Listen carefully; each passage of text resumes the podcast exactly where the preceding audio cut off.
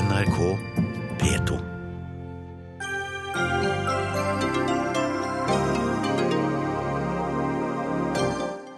Begge parter i Øygard-saken er misfornøyde med dommen og har i dag offentliggjort at de anker. Nå skal ankeutvalget i Høyesterett ta stilling til hva som skal skje videre. Leksehjelp har vært med på å øke forskjellene mellom de sterke og svake elevene. Det viser en ny undersøkelse. Kristin Halvorsen innrømmer at det er noen svakheter ved ordningen. Ahus pålegger sykepleierne flere helgevakter. Det provoserer Sykepleierforbundet.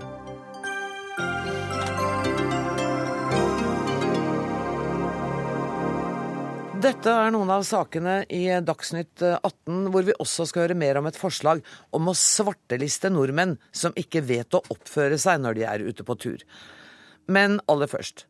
Både påtalemyndighet og Rune Øygard kunngjorde i dag at de vil anke dommen mot den tidligere Vågå-ordføreren. Øygard ble 30. mai i år dømt til ett år og tre måneders fengsel for seksuelle overgrep mot en jente under 16 år. Nå blir det altså opp til Høyesteretts ankeutvalg å bestemme hvilken vei denne saken nå tar. Og Torbjørn Klønsæter, du er statsadvokat og var aktor i saken. Hva er begrunnelsen for at påtalemyndigheten har bestemt seg for å anke? Aller først så er det viktig å si at det er lagmannsrettens beskrivelse av det straffbare forhold som ligger til grunn, også for den vurderingen som påtalemyndigheten har gjort. Der mener vi at med den beskrivelsen som lagmannsretten da har gjort om antallet overgrep over en så lang tid som det er snakk om, altså 22 måneder, og i tillegg da en grov utnyttelse av fornærmede, som også er beskrevet i dommen, så mener vi at lagmannsretten har lagt seg for lavt når det gjelder den konkrete straffeutmålingen. Mm. Så dere, hvis jeg tolker det riktig, dere, dere, anker altså på straffeutmålingen og syns ikke det er samsvar mellom begrunnelsen i dommen og straffeutmålingen? Ja, det er riktig. Og det har også noe med signaler som er gitt gjennom eh, lovgivningsprosess, altså fra lovgiver eller Stortingets side, og også rettspraksis som har fulgt opp dette her, at det skal reageres med strengere straffer mot seksuelle overgrep. Jeg går ut fra at påtalemyndigheten også har vurdert muligheten for å la være å anke denne saken. Hvilke avveininger har dere gjort? Ja, Jeg vil helst ikke fortelle alle de vurderinger vi har gjort. ikke alle, bare noen få her i Dagsnytt 18, så er jeg fornøyd. Ja. Uh, det vi ser på, det er hvorvidt uh, det domsresultatet som foreligger, er i overensstemmelse med det vi mener er et korrekt nivå. Mm. Og så treffer vi beslutningen ut fra det. Jeg tror det vil være dekkende. Jeg har hørt deg tidligere i dag si at du ikke kan uttale deg noe om når eh, Høyesteretts ankeutvalg kan komme til å behandle denne saken. Kan du heller ikke si noe om det ut fra erfaring på hvor lang tid det tar? Det eneste jeg kan si om det, det er at jeg vet at Høyesteretts ankeutvalg arbeider raskt. Og, og likedan at dersom saken skulle bli henvist til behandling i Høyesterett, så, så ville også saken komme opp forholdsvis raskt. Det er effektiv behandling i vår øverste domstol. Tusen takk for at du tok deg tid til å være med i Dagsnytt 18, Torbjørn Klønsæter, statsadvokat og altså aktor i saken. Olav Rønneberg, NRK-journalist og vår ekspert på dette. Hva betyr det at aktor anker på straffeutmålingen? Det betyr jo, som vi hører statsadvokaten her si, at påtalemyndigheten ikke er fornøyd med den straffen Rune Øygard ble idømt i lagmannsretten, altså ett år og tre måneders fengsel. Jeg syns nok ikke det var spesielt overraskende heller at aktoratet anker her. De ba jo om to år og seks måneder og fikk det halve, slik at det lå en anke i luften her. og Jeg vil ikke si at det kom så veldig overraskende. Jeg må bare legge til, Når det gjelder behandlingen i Høyesterett, så har vi snakket med Høyesterett nå i kveld. og De sier at de vil bruke tre til fire uker på å behandle denne saken i ankeutvalget. Og dersom den blir henvist til behandling, så vil det gå ytterligere to måneder før den eventuelt kommer opp der. Ja, og Denne anken vil da komme opp i det som heter Høyesterett i avdeling, som består av fem dommere. og Det vil være muntlige forhandlinger? Det vil være muntlige forhandlinger i form av prosedyrer. Der er det ingen vitneførsel. Jenta slipper f.eks. å vitne der. Det er kun prosedyrer fra partene, og så vil da Høyesterett treffe en avgjørelse. Men vi skal også huske på at nåløyet dit er lite. Det heter i reglene at det skal ha betydning for noe mer enn den gjeldende sak. Altså at det skal ha en prinsipiell betydning dersom Høyesterett tar den inn. Og Det kan jo være vanskelig å sammenligne, fordi at så vidt jeg vet så har vi ingen tilsvarende sak å vise til? Vi har ingen helt tilsvarende sak å vise til, men det er noe rettspraksis på området. En dom fra Frostating lagmannsrett, bl.a. den såkalte Birkedal-saken i Rogaland. Så det er noe rettspraksis som, som, minner om denne saken. Eh, men det kan bli interessant å se hva, hva Høyesteretts ankeutvalg kommer til. Mm. Og, og, bare for å ha gjort det helt klart, det er altså ikke snakk om å avgjøre skyldspørsmålet på nytt i denne saken? Eh, overhodet ikke. Skyldspørsmålet er avgjort i, i lagmannsretten, men det er klart at dersom Øygards anke på saksbehandlingsfeil blir tatt til følge i ankeutvalget, eh, så vil det bli henvist til en ny behandling i lagmannsretten. og Da blir hele skyldspørsmålet behandlet på nytt. Nettopp, og der ledet du meg over til den andre anken. For i dag kom jo eh, opplysningen om at han har bestemt seg for å anke. Han kunne ha ventet en uke til, eh, men ventet ikke med den beslutningen. Og i pressemeldingen som forsvarer har sendt ut, så står det at dette har han gjort på selvstendig grunnlag. Hva ligger det i det? Det står rett og slett at dette er Rune Øygards egne vurderinger, at han vil anke over saksbehandlingsfeil. og Nå får vi aldri vite sannsynligvis hva som har blitt diskutert på bakrommet mellom Øygard og hans forsvarere, men eh, det er jo lett å tenke seg at de har vært uenige i denne avgjørelsen, men at Øygard selv har insistert på at han vil anke på saksbehandlingsfeil. For dette er ikke risikofritt for Rune Øygard. Dersom han anker på saksbehandlingsfeil og den blir tatt til følge, så risikerer han jo til syvende og sist å bli dømt også fordi han nå er frifunnet for. Mm. Mette Yvonne Larsen sitter opptatt i et møte og hadde ikke anledning til å være med oss nå på begynnelsen av sendinga, men uh, vi prøver å få henne med i løpet av sendinga for å høre nettopp hennes vurderinger av uh, dette. Og du understreker jo at det er ikke gitt at disse ankene blir tatt til følge i den forstand at de får medhold. Ingen av partene kan gjøre det. Men det er vel her Øygard som har mest å vinne og mest å tape på en anke? Ja, Iallfall har han mest å, tape på en anke. Eh, det kan godt hende, dersom saken blir henvist, at, straffen blir noe skjerpet i, Høyesterett. Det, er tidlig å si, og det blir spekulasjoner. Men det er klart han har mye å tape her. Nå er han frifunnet til lagmannsretten for overgrep under 14 år. Det har en stor betydning for strafferammen. Vi skal huske på at han ble dømt til fire års fengsel i tingretten. Eh, og det er klart at det kan bli resultatet etter en ny ankebehandling med en ny jury, dersom det blir tilfellet. Nina Bråten Hjortdal, du er bistandsadvokat for den fornærmede jenta. Hvordan reagerer hun på opplysningene i dag om at begge parter anker? Nei, altså Anke over straffeutmålingen det er jo noe som hun eh, gleder seg over. Hun var helt enig i den vurderingen fra påtalemyndigheten. Eh, når det gjelder eh, altså Øygards anke over saksbehandlingsfeil, så har hun tatt det til etterretning. Og, og så tar vi det skritt for skritt. Det er for tidlig å si si hvorvidt eh, noe av det vil bli behandlet som, vi, som dere har vært inne på allerede. Og, så vi får bare se hvordan det går. Mm. Men du må jo forberede, forberede henne på at at det kan komme til å skje? Ja, det, det er klart at det, det, må hun tenke gjennom, og det har hun nok også tenkt gjennom. Eh, det er klart at hun var jo også skuffet når Øygard ble frifunnet for den første posten. Sånn at eh, sånn sett så kan det hende, hvis hun får fordøyd det, hvis det blir sånn at hele saken kommer opp på nytt, at hun vurderer det, at det kan være greit for henne også. Uh, har dere noen forventninger til behandlingen i Høyesterett? Nei, ikke noen andre forventninger enn at vi mener jo at eh, straffen ble satt for lavt i Eidsivating lagmannsrett. At vi forventer en skjerpelse av straffen. Er du enig i begrunnelsen fra påtalemyndigheten som sier at det er en diskrepans, altså en for stor avstand mellom straffeutmålingen og begrunnelsen i dommen? Ja, jeg er helt enig i den vurderingen de har gjort der. Er det sånn at man har sett for nøye, etter din mening, har, har man lagt for stor vekt på denne 14-årsaldersgrensen? Ja, jeg synes jo generelt da at Eh, man i, i, rettspraksis har vært lite flinke til å skille mellom typetilfeller, nettopp når det gjelder seksuell omgang med mindreårige barn. Eh, man er altså for lite flink til både å se hen til alder og hen til hvor lenge overgrepene har funnet sted. og Det er jo nettopp det som er tilfellet i den saken. Og Sånn sett så kan det også hende at det er nettopp det som gjør at den prinsipielt sett er interessant også for Høyesterett å ta inn. Mm. Uh, Olav Rønneberg, det er vel også slik at det er opp til Høyesterett å fritt vurdere hvilke av ankene som skal videre altså, Eller ankeutvalget, da. Hvilke som skal gå videre, og eventuelt hvilke som ikke skal. Ja, definitivt. Man kan komme inn i en situasjon hvor, hvor straffutmålingen slipper igjennom til behandling i Høyesterett, mens saksbehandlingsanken blir forkastet, som det heter, og i og for seg omvendt også. Så her står Høyesterett helt fritt i sine vurderinger. Uh, uh, forsvarer Mette Yvonne Lørensen har pekt på tre saksbehandlingsfeil som de mener er begått. Um, er det feil som du kan kjenne igjen, eller du kan se at ja, der har de et poeng? Det har vært en debatt rundt det er spesielt dette med psykiater Lars Weiseth, som hun har som hovedargument. Det er litt teknisk å forklare, men faktum er at Lars Weiseth jo er Rune Øygards psykiater. Og Øygards forsvarere mente at eh, Weiseth skulle komme og forklare seg for juryen om hvilken belastning denne saken har påført Øygard, og hvordan det kan føre til at han fremstår foran juryen. Det ønsket ikke lagmannen. Lagmannen eh, kom til at det ikke var relevant, eh, og det kan være et poeng. Vi har vært i kontakt med flere jurister i ettermiddag, og de er delt i synet på om dette når igjennom i Høyesterett. Da får vi rett og slett vente og se. Tusen takk for at du kom i studio, Olav Rønneberg, og takk også til Nina Bråten Hjortdal.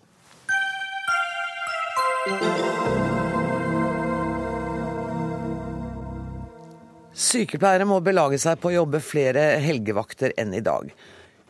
Hyppige helgevakter er et konflikttema mellom Sykepleierforbundet og arbeidsgiverne, men nå pålegger sjefen for Ahus sine pleiere økt helgejobbing.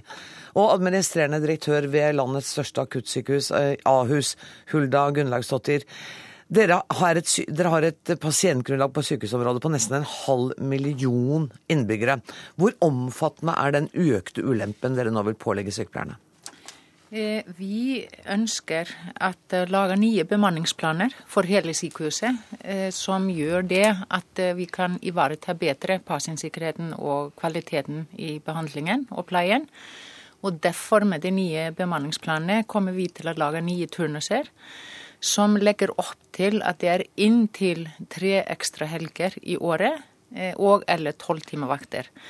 Men jeg må presisere at det er bakt inn i den vanlige turnusen. Det kommer ikke på toppen av vanlig eh, turnus. Så, det så den totale arbeidstiden i løpet av et år vil være den samme? Ja. Eh, hva sa du? Én til to ekstra helgevakter i året? Eh, inntil tre. Inntil tre. Eh, for det vi har eh, over flere hundre seksjoner. Og det er ikke slik at én modell passer alle. Og jeg ønsker at dette blir tilpasset hvert enkelte seksjon og avdeling på best mulig måte. Ragnhild Hegg, du er fylkesleder i Akershus for Norsk Sykepleierforbund. og Dere har altså et landsmøtevedtak på at dere ikke skal jobbe mer enn én en av tre helger to ekstra helger i året. Jeg tenker at folk sitter og hører på oss nå og sier det er ikke urimelig. Nei, det kan høres sånn ut. Absolutt. Det er, poenget vårt er rett og slett at dette ikke løser problemet. F.eks. på Ahus så er det jo en kjent sak at det er stor forskjell på ressurser og behov. Altså de oppgavene som skal løses og de ressursene som er tilgjengelig. Og vi mener at denne løsningen ikke løser det som er utfordringen for Ahus og for de 400 000 pasientene som er i nedslagsfeltet, eller for de sykepleierne som jobber der, som gjerne vil gjøre en god jobb, og som jeg vet strekker seg langt i forhold til å kunne ivareta pasientsikkerheten. Hva mener dere vil løse problemet, da? Vi mener at Ahus burde ha gått inn i en diskusjon med NSF f.eks. Sykepleierforbundet har spilt inn flere ting eh, i forhold til løsninger på dette problemet, som f.eks. går på at man bør vurdere pasientgrunnlaget, hvilke behov for kompetanse er det, og hvilke behov for bemanning er det ut fra det. Og Hvis en hadde tatt seg tid til å gjøre det, så kunne en finne de løsningene som var viktig og virkningsfulle for å ivareta pasientsikkerheten. Mm. Men, men, det tiltaket som, nå er satt, som eh, sykehusdirektøren nå vil sette i verk, det vil jo i hvert fall kunne redusere antall brudd på arbeidsmiljøloven som dere har. Det var det ikke over 9000 brudd der? Det er veldig mange brudd på arbeidsmiljøloven. På det er både tidkrevende, det er dyrt, og det kan være farlig. Det er helt riktig.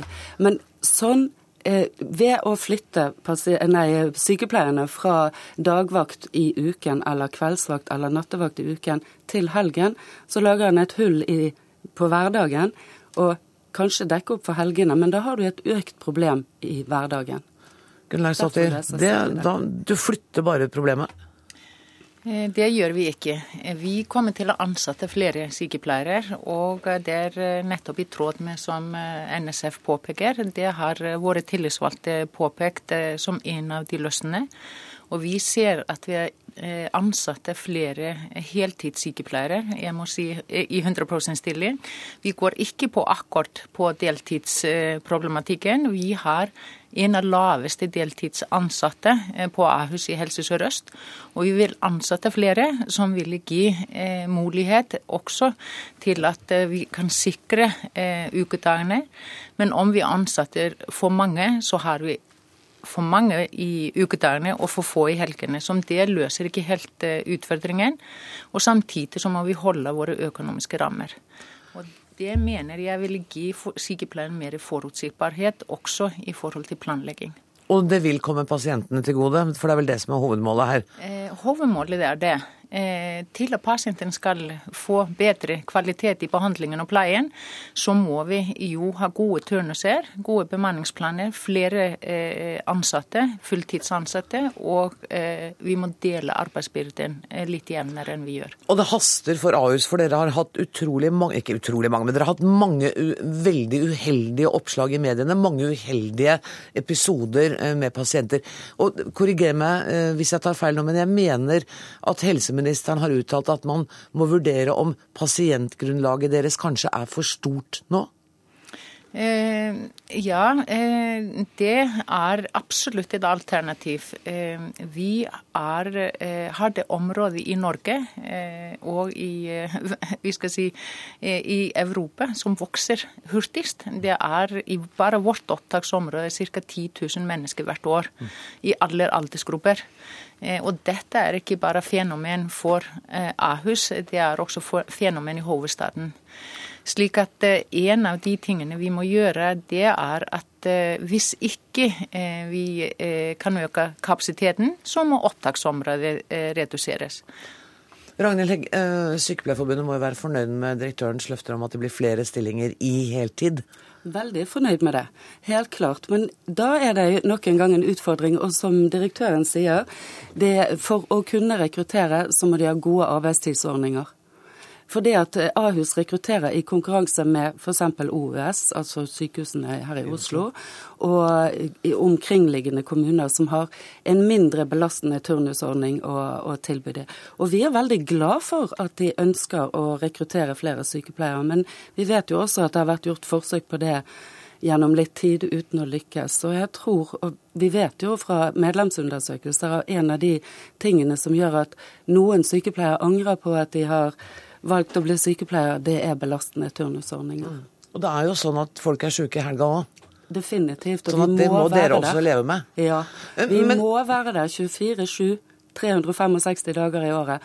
Helg og høytid og alltid. Og det ønsker vi også mm. å være. Men, men, den turnusen som er nå, hvor dere har, et, dere har et landsmøtevedtak på at dere ikke skal jobbe hyppigere enn hver tredje, er turnusen hos eh, Ahus nå at det er hver tredje, eller er den sjeldnere?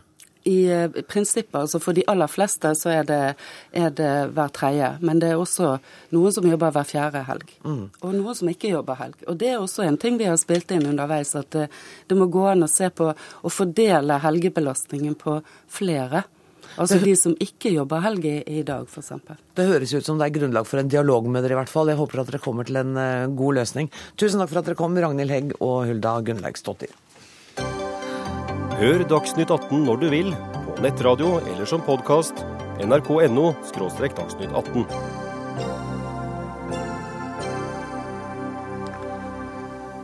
Halvparten av muslimene vil heller følge sin religiøse leder enn norsk lov. Det kommer fram i en undersøkelse fra 2009 som det har vært lite oppmerksomhet fram til nå, fordi Morten Kinander i Civita nå har skrevet en kronikk med tittelen 'Muslimer og rettsstaten'. Gjennom denne kronikken bygger Civita opp under forestillingen om muslimer som en egen gruppe, mener eh, samfunnsforsker ved Fafo, Olav Elgvin. Hvorfor det? Eh, det jeg har kritisert, er ikke i seg selv tallene eller dataene i undersøkelsen. De er helt sikkert helt fine. Men det jeg har kritisert, er fremstillingen av respondentene i bare to grupper. Du har muslimer, og så har man alle andre. Når man ikke deler inn i um, ulik etnisk bakgrunn blant muslimer. Uh, man snakker ikke om type somaliere, pakistanere, bosniaker. Og man snakker heller ikke om likheter og ulikheter med ulike grupper innenfor den etnisk norske majoritetsbefolkningen. Man sammenligner ikke med f.eks. religiøse mennesker eh, som er etnisk norske. Um, og Det mener jeg bygger opp under en forestilling som er veldig vanlig i Norge, uh, om at muslimer er en slags naturlig, enhetlig gruppe. Um, og Jeg får veldig ofte spørsmål fra journalister om um, hva som skjer med disse muslimene. Mm. Og spør man gjerne hva skjer i det muslimske miljøet? Mm. Og så sier jeg uh, det kan jeg ikke svare på, fordi det finnes ikke noe muslimsk miljø. Uh, og som jeg også skriver i dag i Klassekampen, så er dette en felle jeg selv har falt i mange ganger. Uh, så det er ikke noe rart at man på en måte begynner å skrive sånne ting. Men, men er det, er... så veldig mye mer feil enn å snakke om nordmenn som en gruppe? Når jeg er i utlandet, så sier jo folk til meg 'dere nordmenn gjør sånn og sånn', eller 'er sånn og sånn'. Eh, da, da tenker jeg nei, det gjelder i hvert fall ikke meg.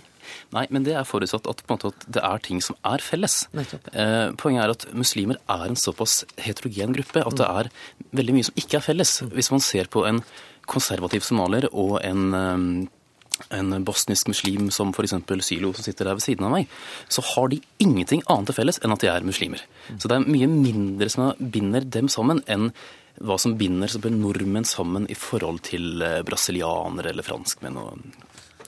Men Morten Krander, du er jurist og filosof ved Civita. Du mener at det er interessant å undersøke hva muslimer har uttrykk? Jeg, jeg er av den oppfatning at hvis det kan måles, så må det måles. Uh, og uh, jeg mener også at muslimer som sådan har felles karakteristika som gjør det interessant å måle det opp mot det norske rettssystemet. Rett og slett fordi, det, fordi islam er en lovreligion. Og Det er ikke det fundamentet som den norske rettsstaten bygger på. Og Det er det som er felles ved den islamske eh, troen. Sammen med jødedommen og katolsk kristendom så er dette lovreligioner så langt. Altså De har egne rettssystemer innbakt i religionen sin. Og Da er det jo interessant å se på hva slags konsekvenser, eller hva, hva vil det føre til, da, eh, når man eh, inkorporerer dette i et sekulært rettssystem som opererer med et ganske strengt skille mellom staten, religionen og politikken. på, og Da er det mindre måten. interessant å se hvilken nasjonalitet de har? Da er ikke nasjonaliteten så interessant. Men selvfølgelig, det er jo uh, Man står jo alltid i fare for å generalisere uh, ut fra det. og det er jeg helt enig Det er en uensartet gruppe, dette her. Mm. Men uh, de har til felles at de i svakere eller sterkere grad tilhører en religion som også er en lovreligion. Ja, Sylo Tarako, du har allerede blitt nevnt. Du representerer organisasjonen LIM, som jobber for å fremme innvandreres deltakelse i det norske samfunnet. På hvilken side står du i denne debatten? Jeg er enig med, litt enig med begge, Midt i, begge altså. de to. Eh, vi, vi, er skeptiske til den økende tendensen vi har sett eh, i, i senere tid, om å se muslimene som én eh, distinkt gruppe, og at man i mindre grad snakker nå om etniske grupper. Før, før så, så, snakket man om turkere, pakistanere, marokkanere osv. Nå, nå snakker man om muslimer mm. som én gruppe, og det, det, gjør også forskere i, i stadig større grad. Eh, eh, og, men det er stort behov uh, der ute uh, å vite hva muslimene står for, hva muslimene mener. og Derfor er det viktig at det forskes på, på muslimer. Eh, men da må man passe på å få frem forskjellene, nyansene. Eh, og, der er det viktig eh, at man gjør som, som amerikanske forskningsorganisasjonen nylig har gjort. Så og så mange i Afghanistan mener det. Så og så mange i Saudi-Arabia Saudi-Arabia var ikke en del av uh, forskningen der. Eh, Balkan, Tyrkia osv. mener det. Da, da, får man frem forskjellene. Man får frem at uh, muslimene er en sammensatt gruppe. Og, og da avliver man mytene om det forstår jeg. Ja. Men, men, her var jo utgangspunktet eh, noe av spørsmålene gjaldt noe de muslimene som bor i Norge, og deres forhold til den norske loven. Og det som faktisk er slående, er jo at de har samme respekt for den norske loven som etniske nordmenn har. Det er jo et hovedpoeng her, ikke sant? Og Veldig mye av dette er jo i tråd med det man vet eh, om forskning eh, på muslimske grupper i resten av Europa. Så det er få ting her som er overraskende for meg. Eh, og mitt anliggende er slett ikke at jeg er mot å samle inn data. Det er altså det jeg driver med selv som samfunnsforsker. Mitt anliggende er hvordan det presenteres, og hvilke merkelapper man setter på de dataene man samler inn.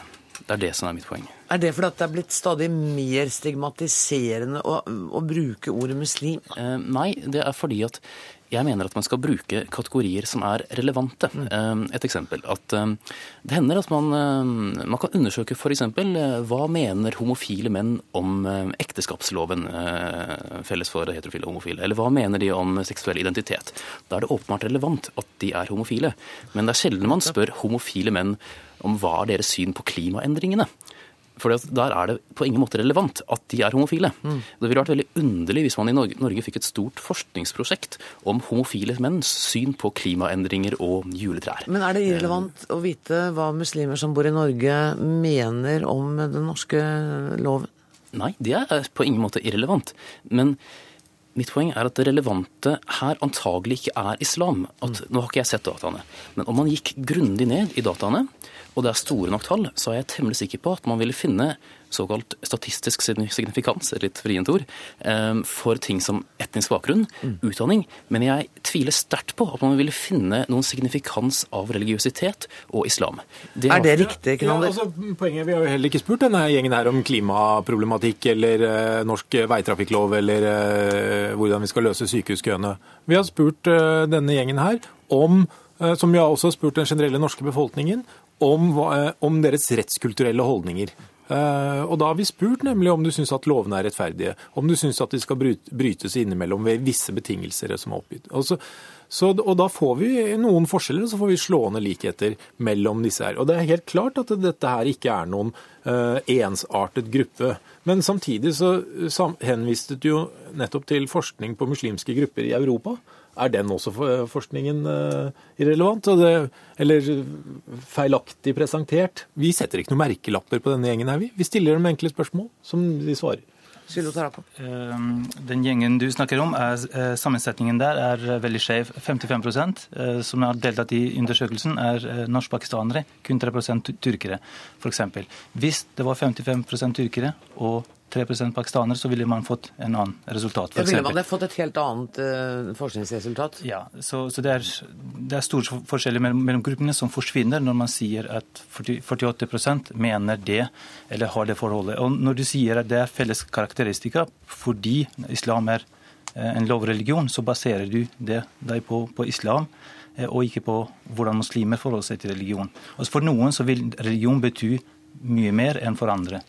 Helt enig. Det er jo en hovedinnvending. Da, ja, det er 55 enig. Eh, muslimer fra Pakistan. Ja, og selvfølgelig er jeg helt åpen for at en annen sammensetning vil gi andre resultater. Men, Men er, hva er det verdt da? Og da er alle velkomne til å sette sammen dette her på en helt annen måte. Det er verdt at vi, når man presenterer også bakgrunnen for tallene, så vet man at uh, når man forstår det på denne måten, så får man disse tallene. Og jeg, altså jeg sier ikke at dette her er endelige tall, men jeg bare sier at den, disse tallene gir disse resultatene. For disse nasjonale gruppene. Altså ja. det, 55% av de spurte er fra Pakistan. Da vil jo det mm. være et um... Ja, og det representerer Altså det er ikke en skjevfordel... Altså det ville vært veldig skjevt med den muslimske befolkningen vi har i Norge i dag, å ha 60 fra Eh, en annen region enn eh, disse regionene som eh, er representert her. Er, men, men, du innrømmer at det er i overkant ha 55% fra Pakistan?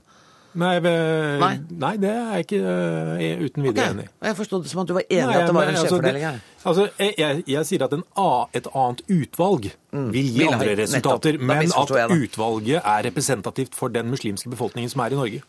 Olav Elvin, eh, du fastholder kritikken din. Det nyttet ikke dette her? Ehm, ja, nei, jeg mener at dataene er greie. Men at det jeg savner her, er en presentasjon som nettopp tar høyde for ulik etnisitet, eh, som på en måte bryter ned på ting som utdanning, eh, skjønn, botid. Fordi at fra annen forskning så vet man at det er det som ofte slår ut, mm. og ikke islam. Og da kan dere kanskje gjøre det neste gang? Ja, det, er, det, det, er, jo representert. Det er jo data på alt dette her. På utdanning, på kjønn, på, på inntekt, på øh, sosioøkonomisk status etc. etc. Og I dag var det akkurat forholdet til loven som var tema. Tusen takk for at dere kom, Morten Krander, Olav Elgvin og Syli Tarako.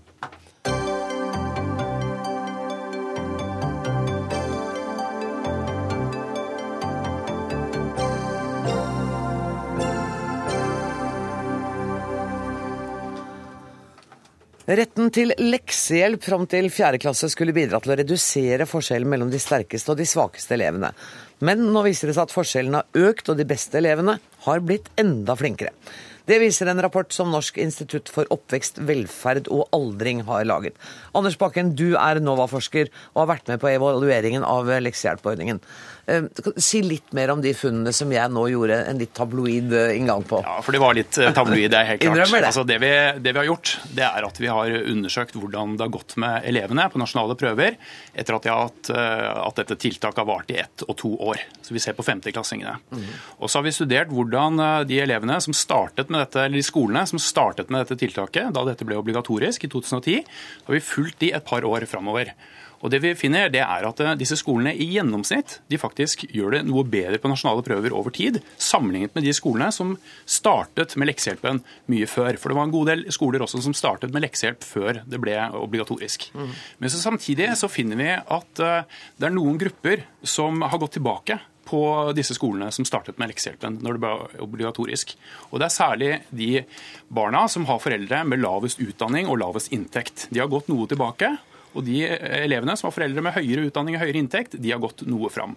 Så det er forskjeller etter sosioøkonomisk bakgrunn, mer enn mellom flinke og, svake elever. Men var ikke det litt overraskende, for var ikke noe av poenget med dette tiltaket at de som da hadde en noe svakere ressursmessig bakgrunn, skulle få hjelp til å komme fremover? Altså, det har vært, var flere formål med dette tiltaket. Okay. Et formål er jo å gjøre alle bedre og mm. tilby noe til alle. Men samtidig så har også et av formålene vært å prøve å redusere de sosiale forskjellene på, på lengre sikt. Og så langt så har vi altså etter bare noen få år kunnet se noen mønstre som går i feil retning. Mm. Det har ikke blitt en mindre sosial forskjell? Nei. Kristin Halvorsen, på en skala fra 0 til 11, hvor skuffa er du over det, da? Nei, Jeg syns det er veldig interessant, fordi at dette er jo forskning som er gjort etter veldig kort tid, det er mm. riktig. Og det er forskning som vi har bestilt. Nettopp for å kunne justere og innrette leksehjelpa underveis, sånn at den treffer eh, så godt som mulig. Det vi ser er jo at veldig mange foreldre er veldig godt fornøyd med leksehjelpa. Nesten to tredeler sier at barna deres får god hjelp og støtte, og at de jobber bedre med leksene. Og særlig de som har lav utdanning og minoritetsforeldre er godt fornøyd med leksehjelpa. Og da skulle man jo tro også at de elevene var de som fikk et ekstra stort uh, utbytte uh, av det.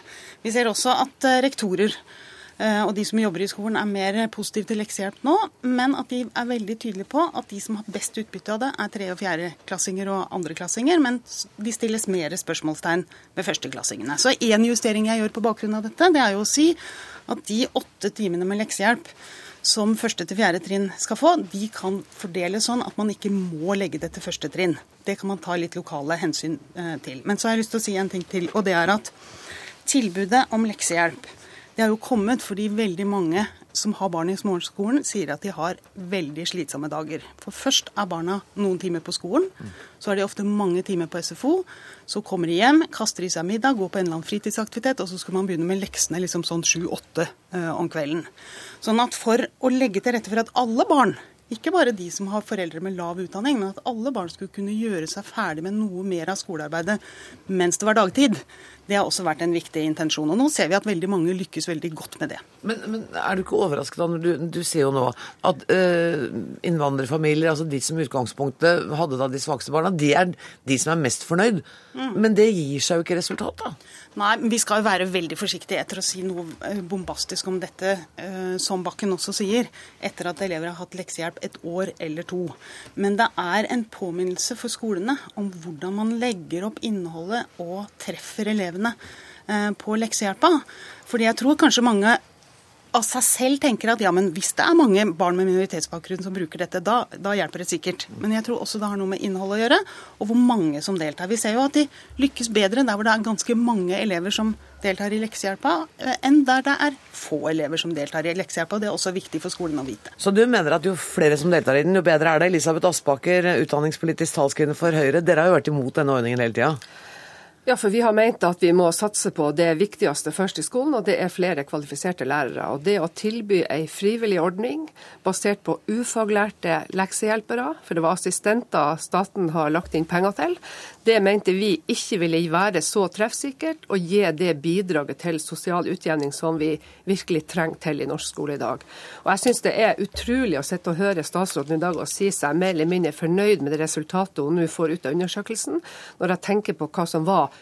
begrunnelsen for dette tiltaket. Statsråden burde i dag la all prestisje fare, og burde fjerne den lovmessige tvangstrøya som har ramma inn denne leksehjelpa fra første til fjerde trinn, og la skolen sjøl og lærerne sjøl få bruke sitt faglige skjønn til å sette inn de tiltak på de trinn som de mener det er rett. Men du snakker om en, nei, du snakker om en faglig tvangstrøye som innebærer åtte timer i uka, som er ment for å gi hjelp til unger, som statsråden nettopp sa, ja. som kanskje også er i tidsklemma og trenger hjelp til å få gjort ja, disse leksene. Ja, men hadde man truffet altså Hvis man ser på, ser på den undersøkelsen, så altså halvparten av foreldrene har jo for det første svart at de har ikke barn som har deltatt i ordninga. Det kan hende at det nettopp blant den halvparten er de barna som virkelig hadde trengt å delta i ordninga. Og så sier også foreldre at når de har størst mulighet og forutsetninger for å følge opp ungene, altså når de går tidlig i skolen, så er det nå det settes inn leksehjelp. Men når ungene blir eldre, går oppe på mellomtrinn eller går i ungdomsskolen, så er det ingen leksehjelp, eller sjelden leksehjelp å få. Så foreldrene etterlyser jo også litt mer logikk i det. At når de kommer til kort, så hadde de ønska seg at skolen skal stille opp. Men da må man stille opp med faglig kvalifiserte lærere som kan være de gode leksehjelperne, og ikke sånn som i dag, at en eller annen annen tilfeldig assistent settes til å gjøre jobben. Er det sånn?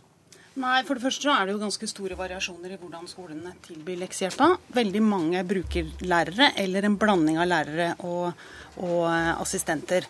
Og så ønsker jeg at vi skal organisere skoledagen mye mer tilpassa det som er foreldrene og barnas behov, særlig for første til fjerde trinn. Det er mange som har veldig lange dager, og vi kunne brukt mer tid på å støtte opp under den læringa som er f.eks. lagt inn mer fysisk aktivitet. Jeg mener at det er en av de store reformene vi burde få til framover, en mer helhetlig skoledag. Og så For de litt større barna så er det også veldig mange barn som sier at de gjerne skulle gjort seg ferdig med mer av skolearbeidet. Eh, på dagtid.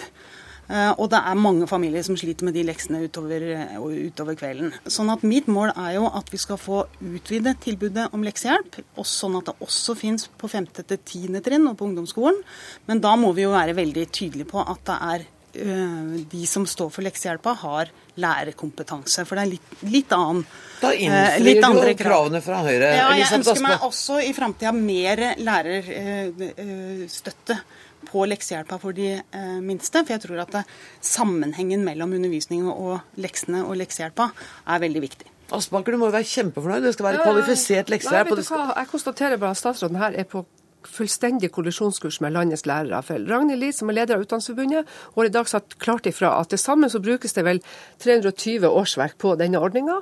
Og hun mener, som oss, at skolen burde hatt stor frihet til sjøl å kunne sette inn tiltak der de mener det er viktig, for å kunne målrette det mot de elevene som faktisk trenger det. Så her har vi altså innført en lov som jeg oppfatter at det mer eller mindre nå er gått prestisje i. Og når statsråden sier hun skal gi mer fleksibilitet, så sier hun at ja, i stedet for å bruke leksehjelp på første til andre år, så skal man få lov nå å bruke det på tredje til fjerde årstrinn. Mens skolen nå etterlyser at man skal ha frihet til å kunne sette den inn i femte klassen hvis det er rett, eller i sjuende og åttende klassen hvis det er rett. Men var det ikke det du nettopp sa? Jo, jeg syns jo ikke akkurat at Elisabeth Aspaker eh, hører etter hva jeg sier her. Jeg mener at for når det gjelder skoledagen for første til fjerde trinn, så kan vi utnytte den tida som elevene er på skolen, enten de er på sko på skole med undervisning eller på SFO mye bedre enn i dag. De har mange timer på SFO, mange elever. Vi kan sørge for at den skoledagen blir mer helhetlig, og at vi legger mer av leksehjelpa inn i den tiden de er der uansett. Og vi vet at mange minoritetsbarn benytter seg av leksehjelpa, får god hjelp der. Dette kan vi sørge for at vi får bedre kvalitet. Men så har jeg også ambisjoner om at øh, vi skal forbedre tilbudet til de som går fra femte til tiende trinn. Og jeg har råd til det, vet du, for jeg slipper jo å bruke de skattelettepengene som oh, som Høyre trenger til noe annet. Nei, men jeg mener at dette er et viktig grep for framtida. Ja, og det er du uenig med. Du, er, du vil være glad for at det ble eh, leksehjelp opp til 10. klasse? Ja, men jeg konstaterer jo at det statsråden til nå har vært villig til å betale for, det er jo ufaglærte assistenter. Og jeg mener at vi må ta landets lærere på alvor og skjønne at hvis vi skal gi ordentlig god, målretta oppfølging av elever som trenger det, og skal vi få til den sosiale utjevninga, så det er kun én ting å gjøre, det er å satse på toppkompetente lærere inn i en sånn ordning. Jeg har tenkt å la forskeren få siste ordet, Anders Bakken. Bare en liten kommentar til dette med kvalifiserte lærere. Det er klart at kvalifiserte lærere er bra, men i denne undersøkelsen så har vi undersøkt hvordan det har gått med skolene som utelukkende har brukt kvalifiserte lærere og utelukkende har brukt assistenter. Mm. Og det er ingen forskjeller i, i, resultatutvikling, så langt vi kan konstatere. Det var uh, siste ord i denne saken. Tusen takk for at dere kom. Takk til deg, Anders Bakken. Takk til Kristin Alvorsen. Takk til Elisabeth Aspaker.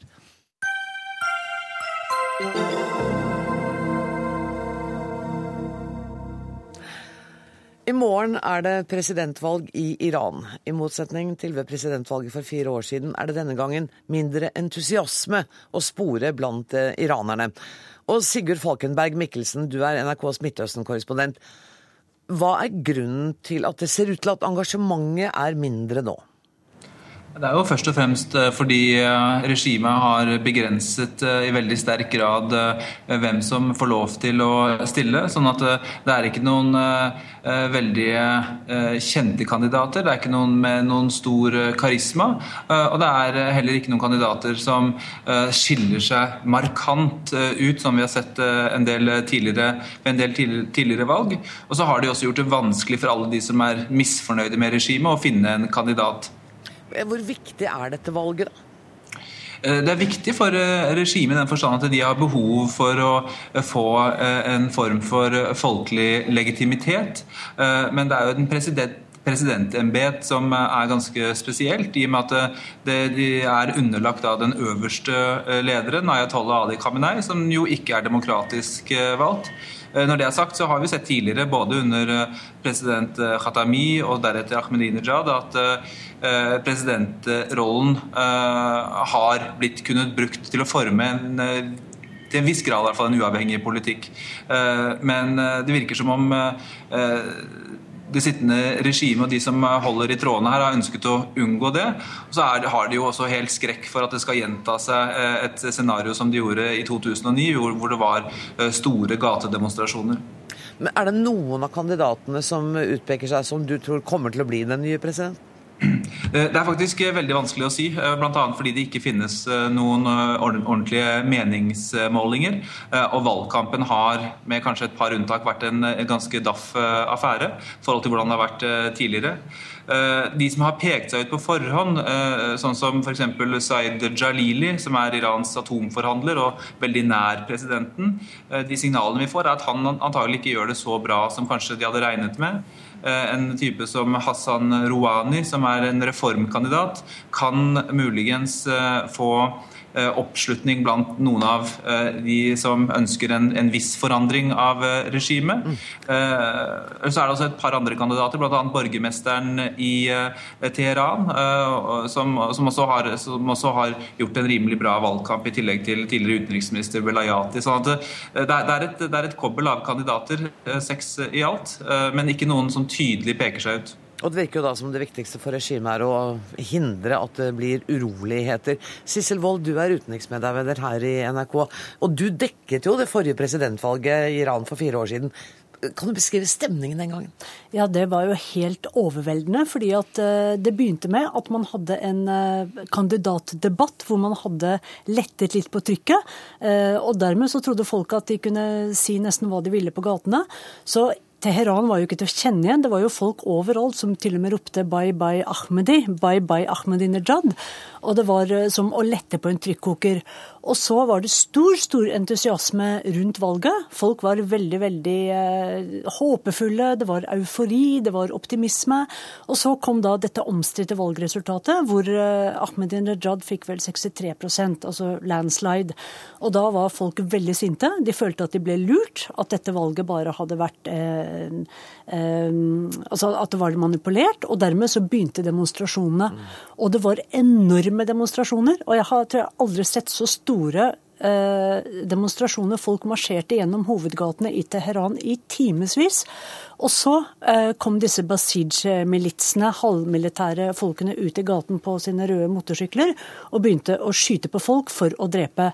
Og da gikk denne grønne bølgen, denne store eh, reformbølgen som samlet mange, må jo ha vært flere millioner eh, iranere, da gikk de hjem. For de ville ikke risikere å dø. Og da jeg var tilbake i Iran i fjor, så var det jo veldig mange av dem som sa hvorfor sluttet vi å demonstrere da? Og da var det jo ikke så ille i Syria, men de sammenlignet seg selv med Syria. Hvorfor tør syrerne å fortsette å demonstrere? Og vi gikk hjem. For folk sa da at vi håper at demonstrasjonene for reformer fortsetter, men jeg håper at naboen går og demonstrerer, fordi jeg tør ikke. Så det det, går det an å si at det er liksom en blanding av frykt og resignasjon som gjør at vi ikke ser noen tegn til entusiasme foran dette valget? Ja, jeg var tilbake i Teheran i fjor, og det var en veldig deprimerende tur.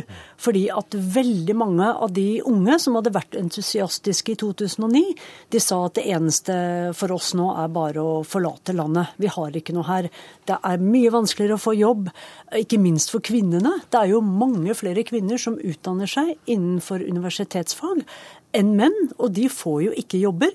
Og i fjor, i august i fjor så var det også flere universitet, jeg tror det var 36 universitet, som hindret kvinner, altså stengte ute kvinner fra 77 forskjellige fagområder. For de sier at ja, men dere får jo ikke jobb allikevel, så hvorfor skal dere utdanne dere? Men iranske kvinner er sterke, de er veldig smarte, de vil inn i samfunnet, men de får ikke lov. Så de håper jo veldig på han eh, Rohani, Rohani. nå. Ja. For det var jo han som sa i går at uh, vi må slutte også med denne symboltrakasseringen av kvinner. De må få lov å kle seg i fargerike klær, og må, våre kvinner må være trygge på gatene. Har, har det også vært et problem? I Iran så er det jo veldig mange millioner kvinner som er veldig religiøse. Og det er de som går med svarte sjadorer, de som bor litt på landsbygda. Men i Teheran, og særlig i Nord-Teheran, nå er Teheran en veldig stor by, der går jo jentene med veldig fargerike hijaber. De elsker å utfordre med lilla klær, med grønne klær, med sterke farger. Og det er disse som stadig får eh, besøk eller trøbbel av dette hijab-politiet, mm. som av og til slår dem og som lager masse trøbbel for dem. Og Rohani sa at dette skal det bli slutt på. Kvinner må få lov til å gå litt mer som de vil. Tusen takk for at du kom til eh, Dagsnytt 18, Sissel Wold. Takk også til Sigurd Falkenberg Mikkelsen.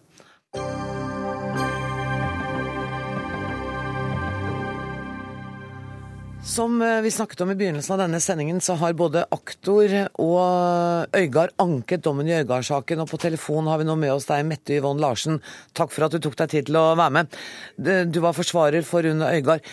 Kan du kort si hva begrunnelsen eh, Øygard har for å anke? Nei, først har jeg lyst til å si at uh, Da vi fikk opplyst at statsadvokaten ikke ville legge saken bort, så var naturlig for Rune Eigar å gå noen runder på hva han da ville gjøre. Når han eh, mener seg uskyldig dømt, eh, så ligger det i kortene at han vil prøve alle muligheter. Eh, og den muligheten han prøver nå for Høyesterett, det er å få oppheva dommen fra lagmannsretten fordi han mener at det blir godt saksbehandlingsfeil. Sa du i det første svaret ditt faktisk at hvis påtalemyndigheten ikke hadde anket, så hadde heller ikke Øygard gjort det? Jeg sa ikke det, men jeg sa at dette er en del av vurderinga. Altså, jeg kommer ikke til å si noe om hva han ville gjort da, men det er klart at uh, det er tungt å gå i gang på nytt. Uh, og det er tungt for lokalsamfunnet, det er tungt for familien. Men han uh, har nå landa på at det er riktig, særlig fordi at han oppfatter at han er uskyldig dømt, og han ønsker fortsatt å prøve å snu hver stein. Er anken fra Rune Øygard i tråd med din anbefaling? Jeg kommer aldri til å si noe om hva som er mine råd til han. Det kommer det, og jeg har sagt før, aldri noe bok om heller. Eh, sånn at eh, denne anken har vi signert begge to, og vi står bak den begge to. Eh, jeg måtte bare prøve meg. Øygard sa i media etter dommen og hevdet at han da hadde nye opplysninger i saken. Er det slike ting som er noe av begrunnelsen for at han vil anke? Altså, når man bringer en anke inn til Høyesterett, så kan man ikke bringe inn nye opplysninger. Det vil i så fall bli snakk om en uh. Men uh, til Høyesterett har vi gjort gjeldende at uh, måten saken ble behandla på, et par av punktene hvor han ble nekta å føre beviser, og hvor politiet nekta å innhente beviser som vi syntes var viktig, det er det vi har grunna anken på nå. Mm, og dere sier at det er tre saksbehandlingsfeil? Ja, stemmer. Det er for det første at vi ikke fikk tilgang på journalene fra fornærmedes behandlere. Eh, for det andre at fornærmedes behandlere fikk lov å møte i retten og forklare seg om hennes troverdighet. Eh, og for det tredje at Rune Øygard ble nekta å føre et lignende bevis eh, på sin hånd. Og Det mener vi er i strid med menneskerettighetene og hans rett til en rettferdig rettergang, og det er det vi ber Høyesterett om å se på. Og nå skal altså Høyesteretts ankeutvalg ta stilling til dette. Er det slik da at den anken som eh, Øygard nå har fremmet, den, hvis den kommer igjennom, så vil det bli en ny behandling i lagmannsretten? Nei, altså, Hvis uh, Høyesterett finner at det er begått så alvorlig saksbehandlingsfeil at det må lede til opphevelse av dommen, så vil det bli en ny full behandling i lagmannsretten. Det stemmer. Men det skal, det skal, vel tradisjonelt litt til? Da skal det være veldig alvorlige saksbehandlingsfeil, ikke sant? Det skal litt til, men når en forsvarer bringer inn en anke som Smerre har gjort, så det, ligger det i kortene at både jeg og Rune Øygard har tro på at Høyesterett vil se det sånn. Du sa selv at eh, Rune Øygard er klar over hvilken merbelastning en eventuell ny eh, rettsrunde vil være, både for hans familie, for bygda.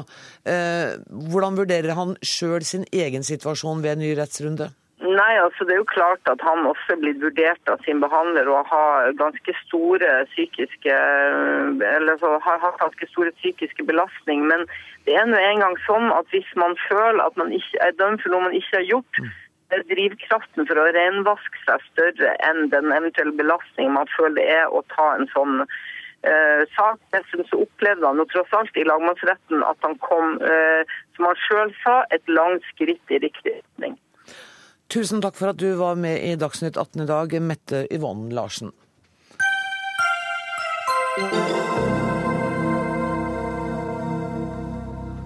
Nå skal det dreie seg litt om nordmenn på tur. For det bør innføres svartelisting av nordmenn som oppfører seg uakseptabelt på charterturer. Det mener direktøren for turoperatørene i Virke. Hvem er det du vil svarteliste, Rolf Forsdal? Ja, Vi er en ansvarlig organisasjon, og vi har ansvarlige medlemmer. Og så ser vi at eh, det er et bitte lite antall nordmenn som også under ferien oppfører seg på en sånn måte at de setter sitt eget liv, andres eh, sikkerhet, ikke minst medbrakte barns sikkerhet, i fare. Det dreier seg om eh, rusmisbruk, alkoholmisbruk, personlige eh, lidelser av forskjellig art, og til og med tilfeller hvor eh, man er helt pleietrengende. Som sagt et bitte lite antall, men for de som blir rammet av oppførselen til disse, og ikke minst da de som reiser sammen med de i reisefølge, så er dette et utrolig stort problem. Og vi har også tilfelle av vold mot ansatte hos våre medlemsbedrifter. Så det er, de vil vi beskytte, de er ansatte, og det er det store antall reisende som oppfører seg ordentlig. Du har skrevet om dette og kommer med noen eksempler.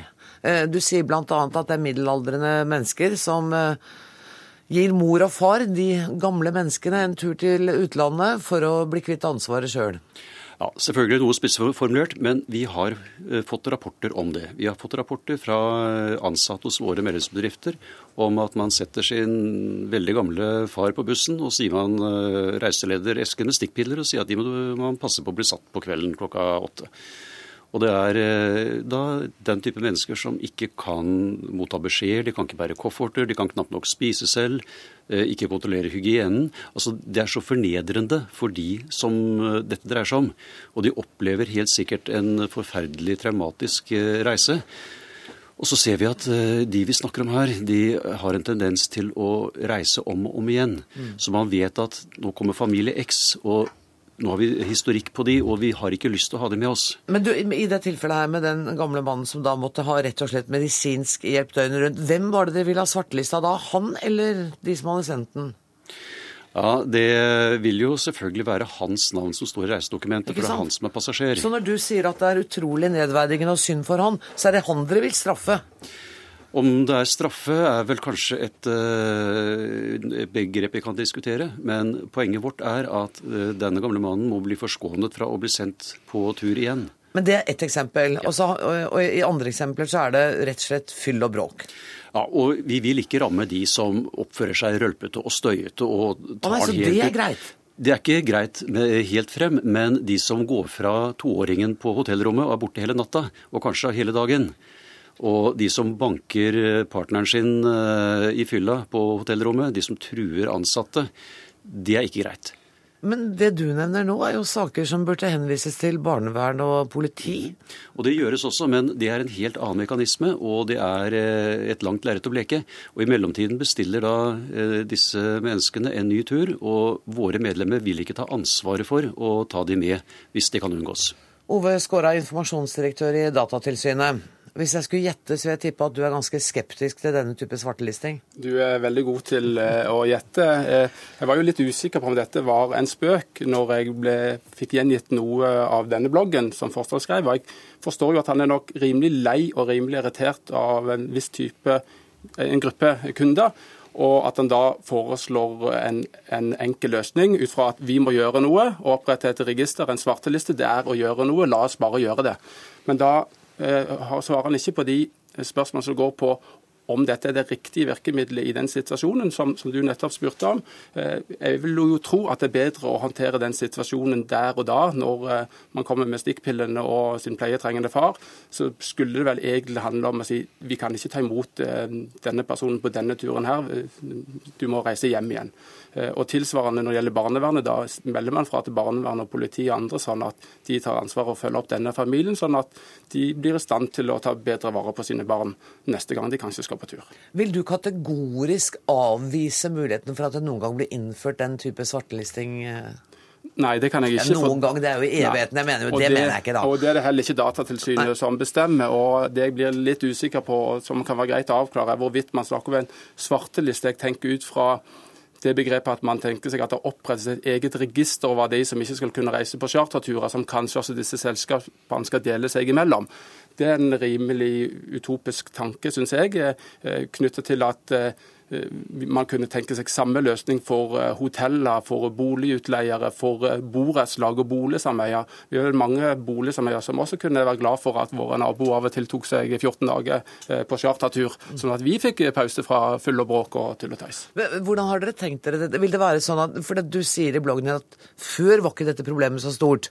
Når man brukte, man gikk til en reiseturoperatør og sa 'jeg skal dit og dit', og da sa han at uh, Anne Grosvold Så skjønte man navnet, og så var alt fullt. Ja, for Grosvold, alt er fullt når du skal ut og reise. Ja.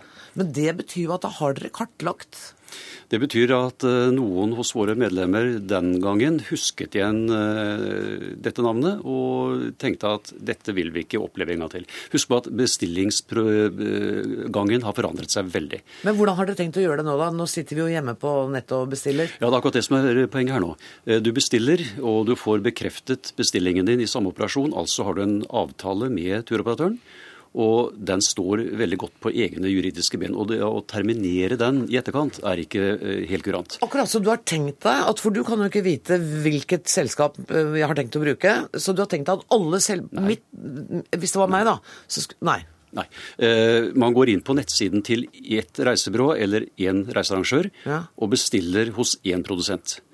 Og det vi ser for oss, er at den produsenten, selvfølgelig ut fra klare kriterier, har muligheter til å si at denne gjesten har vi en historikk på som gjør at vi kan ikke ta ansvaret, verken i forhold til våre egne ansatte eller våre andre gjester, og ta den personen med en gang til. Så et selskap som har dårlige erfaringer med en gjest, kan ikke dele den informasjonen med et annet selskap? Der ser vi vel sikkert de samme problemene som Datatilsynet gjør.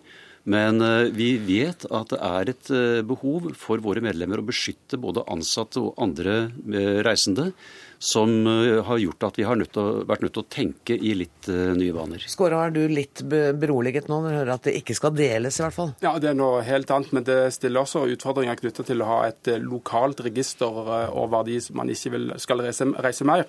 For Det handler om hvem bestemmer når du skal legges inn i dette registeret. Altså Hvis jeg som reisende har en solid krangel med et stedlig representant for reiseoperatøren på lørdagskvelden når jeg føler meg utrolig dårlig behandla, så er det noe med hvem bestemmer da at den oppførselen kvalifiserer for at jeg ikke skal kunne reise igjen. Hvem er liksom denne domstolen og mm. etterforskeren knytta til å gjøre den vurderingen der? Og i motsetning til gamle dager når jeg gikk på mitt lokale reisekontor og de kjente meg, så kjenner heller ikke jeg den som sitter og gjør den vurderingen som tilsier at ikke jeg skal kunne komme der igjen og bruke dette selskapet. Det er ja, dette er veldig valide eh, spørsmål. Og vi ser jo selvfølgelig at hvis det skulle bli en slik liste, så må det være for det første veldig klare kriterier for når eh, man skal inn på lista. Eh, det må være et system hvor det er bekjentgjort på forhånd at dette er våre betingelser. Hvis du bryter de og de reglene, mm. så forbeholder vi oss retten til å svarteliste deg, så det ikke kommer som en overraskelse. Og hvor lenge er man på den svaren? Er det livet ut? Nei, det kan ikke være livet ut. Uh, disse spørsmålene er temaer vi veldig gjerne tar en dialog med Datatilsynet på. Vi er klar over at uh, vi har en, en personopplysningslov i landet som legger klare føringer på hvordan man skal gå frem. Jeg foreslår at dere tar noen møter, og så kommer dere tilbake hit. Når dere, dessverre, vet du hva, jeg har 27 eh, sekunder igjen. Jeg må bare rekke å takke dere. Takk til Rolf Forsdal og takk til Ove Skårå. Og så må jeg si at eh, ansvarlig for denne utgaven av Dagsnytt 18, det har vært eh, Dag Dørum. Det tekniske ansvaret har eh, Marianne Myrhol, og jeg heter Anne Grosvold. Takk for nå.